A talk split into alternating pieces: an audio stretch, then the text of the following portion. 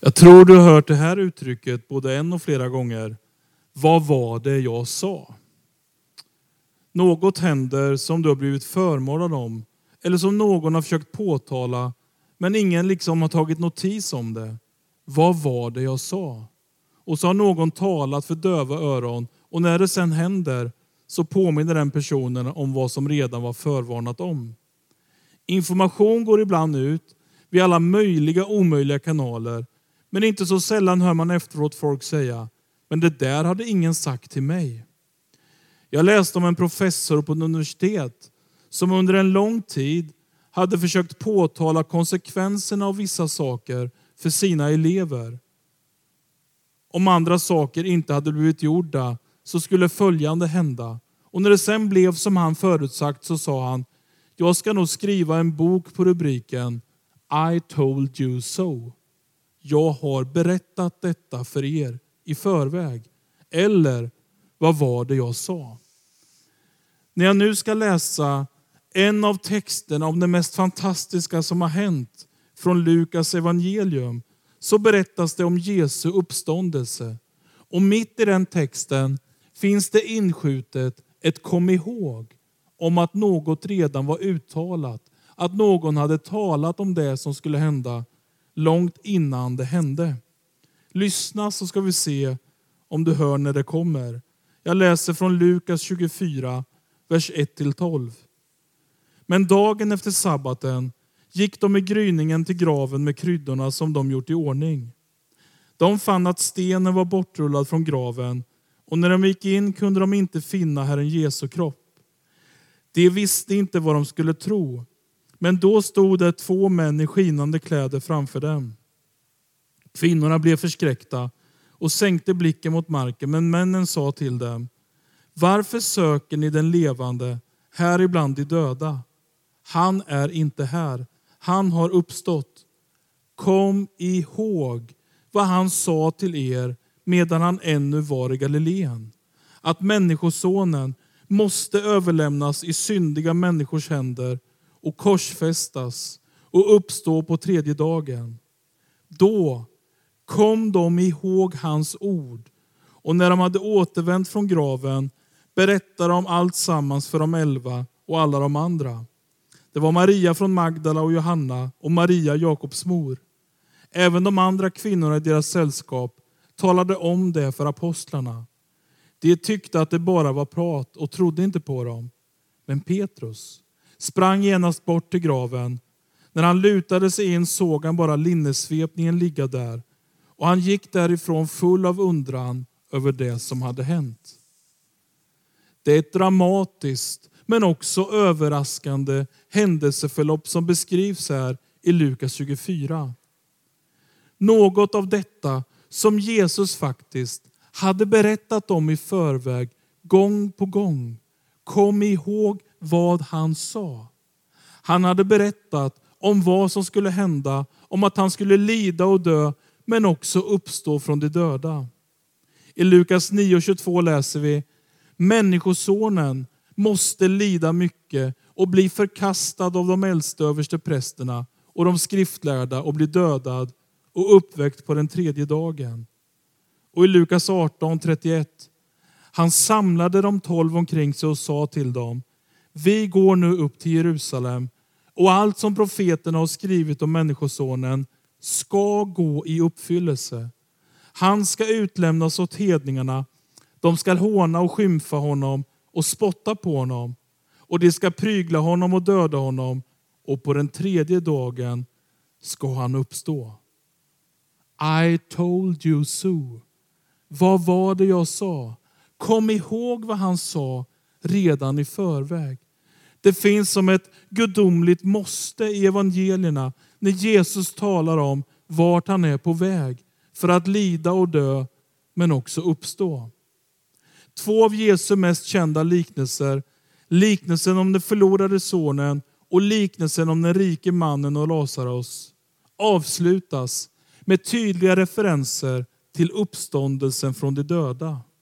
Ändå, ändå verkar ingen på allvar har hört vad som sagts eller vad som skulle hända. De har haft svårt att ta det till sig. Först kommer kvinnorna till den tomma graven. De hade ju följt Jesus den sista sträckan. De hade sett honom lida, sett hans grav där hans kropp hade blivit lagd. Trots att de gått med Jesus och hört honom tala om detta har de svårt att koppla ihop vad som hänt när de upptäcker att stenen är bortrullad och graven är tom. Hur ska vi sammanfatta kvinnornas reaktion? De blir för det första förvirrade av vad som inte finns i graven. De hittar inte Jesu döda kropp. Och det står i vers 4, de visste inte vad de skulle tro. För andra så blir de däremot förskräckta över vad som finns i graven. Två skinande män som ger ett budskap om att Jesus är uppstånden. Och så frågar de, varför söker ni den levande här bland de döda? De sänkte blicken mot marken och änglarna säger, han är inte här, han har uppstått. Kom ihåg vad han sa till er medan han var kvar i Galileen. Att Människosonen måste överlämnas i syndiga människors händer, korsfästas och uppstå på tredje dagen. Och så står det, då kom de ihåg hans ord. Varför blir de så rädda? Ja, deras älskade Jesus, han har ju bara gjort precis det han sagt. Han har gjort det han skulle. Han har dött och han har uppstått. Har de inte hört vad han har sagt? Den här berättelsen visar att Jesu uppståndelse går helt utanför deras referensramar. Det är något oväntat, något otippat. Det är utanför deras förväntningar. Kvinnorna sa inte till varandra på väg till graven, det är bra att vi har med oss kryddor ifall han mot all förmodan fortfarande är död. Och då sa inte heller, låt oss hoppas att han kvicknar till och lever igen. Nej, han är död. De sörjer och vill smörja med kryddor. Och när de sen berättar för apostlarna, Jesu egna lärjungar, vad som hänt, så tyckte de att budskapet om uppståndelsen bara var prat. Och så står det ordagrant, de trodde inte på dem. Men om Petrus berättas det att han rusar till den tomma graven och när han lutar sig in och tittar ser han bara linnesvepningen ligga där och han går därifrån full av undran över det som hänt.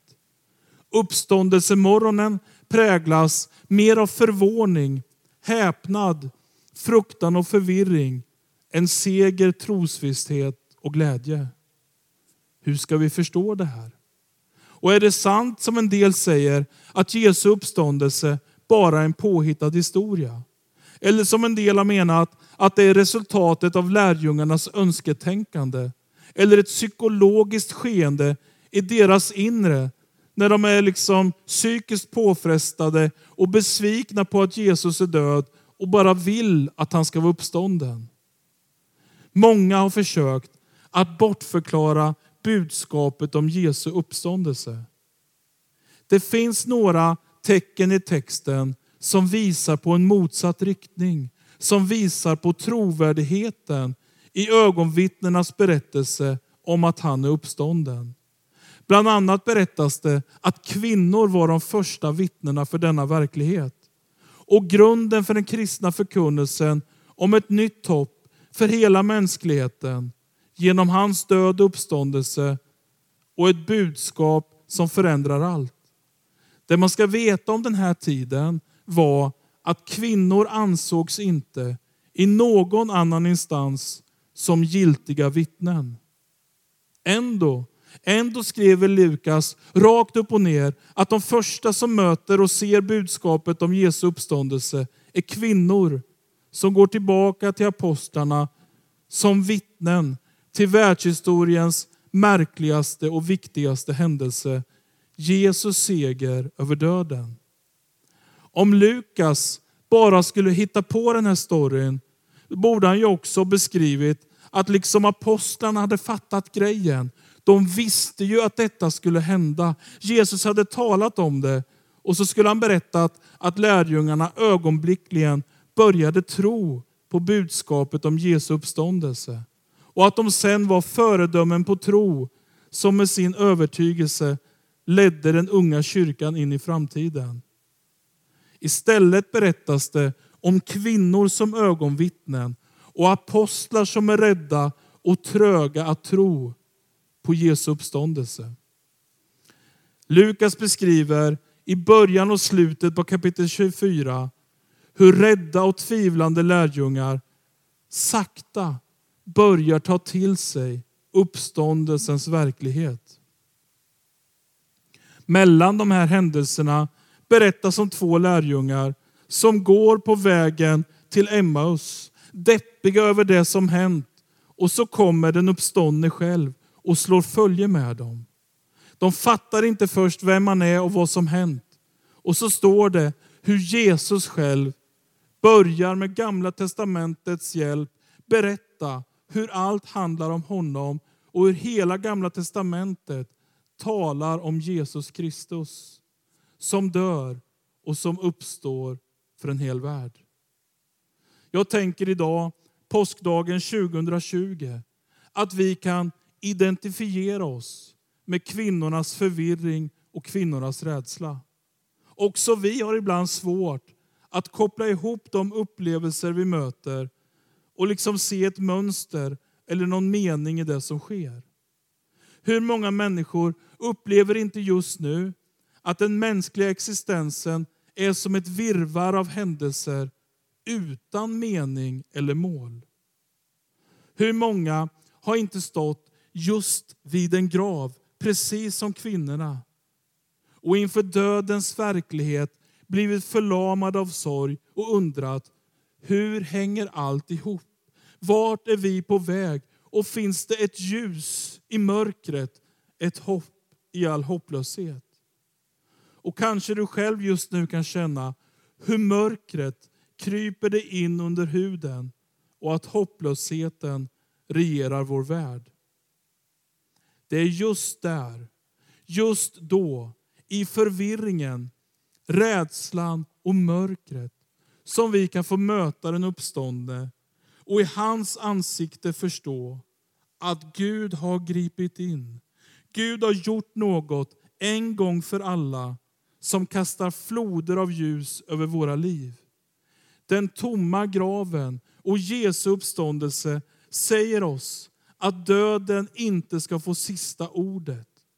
Att tillvaron inte är på väg mot slutlig kollaps och förintelse.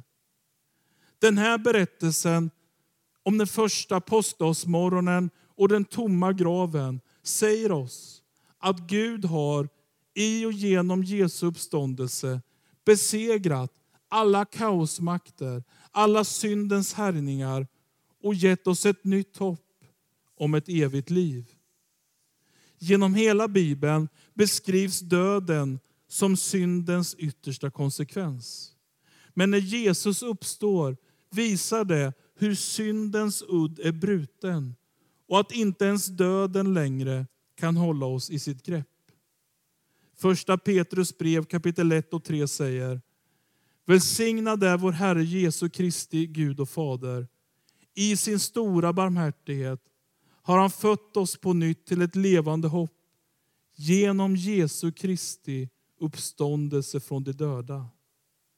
Det är detta djupt existentiella budskap från en värld bortom vår horisont som får kvinnorna vid den tomma graven att häpna, bli förskräckta och slå ner sin blick.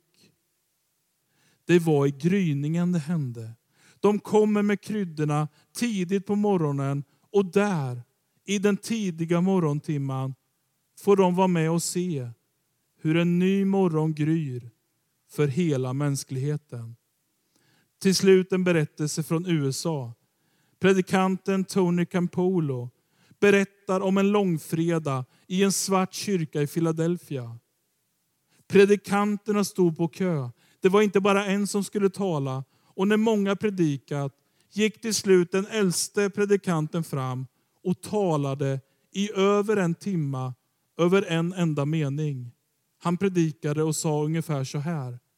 Det var fredag, men söndagen kommer. Det var fredag och med Jesus hängde på korset, men det var fredag och söndagen är på väg. Det var fredag och Maria grät hejdlöst. Lärjungarna sprang åt alla håll som får utan herde. Men det var fredag och söndagen var på väg. Det var fredag. Cynikerna såg på världen och sa, saker och ting är som de alltid varit. Du kan inte ändra något i den här världen. Men det cynikerna inte visste var att det bara var fredag och att söndagen kommer. Det var fredag och på fredag hade de krafter som förtrycker de fattiga, skapar lidande, så hade dessa makter kontrollen. Men det var fredag och söndagen kommer. Det var fredag och på fredag trodde Pilatus att han tvättat en massa problem från sina händer. Fariseerna struttade omkring, skrattade och trodde att de återtagit sin position. Men det de inte visste var att det bara var fredag och söndagen var på väg. Tillbaka till inledningen i Lukas 24. Berättelsen om kvinnorna vid den tomma graven. Kvinnorna blev förskräckta och sänkte blicken mot marken. Men männen sa till dem, varför söker ni den levande här bland de döda? Han är inte här, han har uppstått. Kom ihåg vad han sa till er medan han ännu var i Galileen.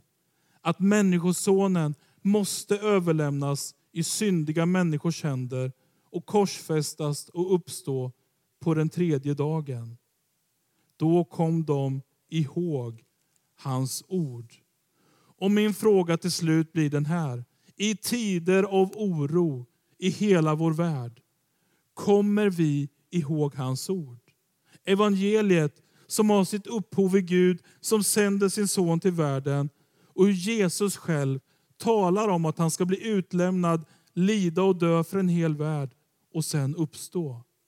Kommer vi ihåg hans ord? Kommer vi ihåg påskberättelsen och berättelsen om hans uppståndelse? Lever vi av hans ord och i uppståndelsens verklighet? Jag vill avsluta min predikan denna påskdag 2020 med en kort jubelsång från den bysantiska påskliturgin på 400-talet. Och den lyder enligt följande. Kristus är uppstånden från de döda. Med döden förtrampade han döden. Åt dem som är i gravarna gav han liv. Öppna ditt hjärta och ta emot Herrens välsignelse. Herren välsigna oss och bevara oss. Herren låt sitt ansikte lysa över oss och vara oss nådig. Herren vände sitt ansikte till oss och giv oss frid. I Faderns och Sonens och den helige Andes namn. Amen.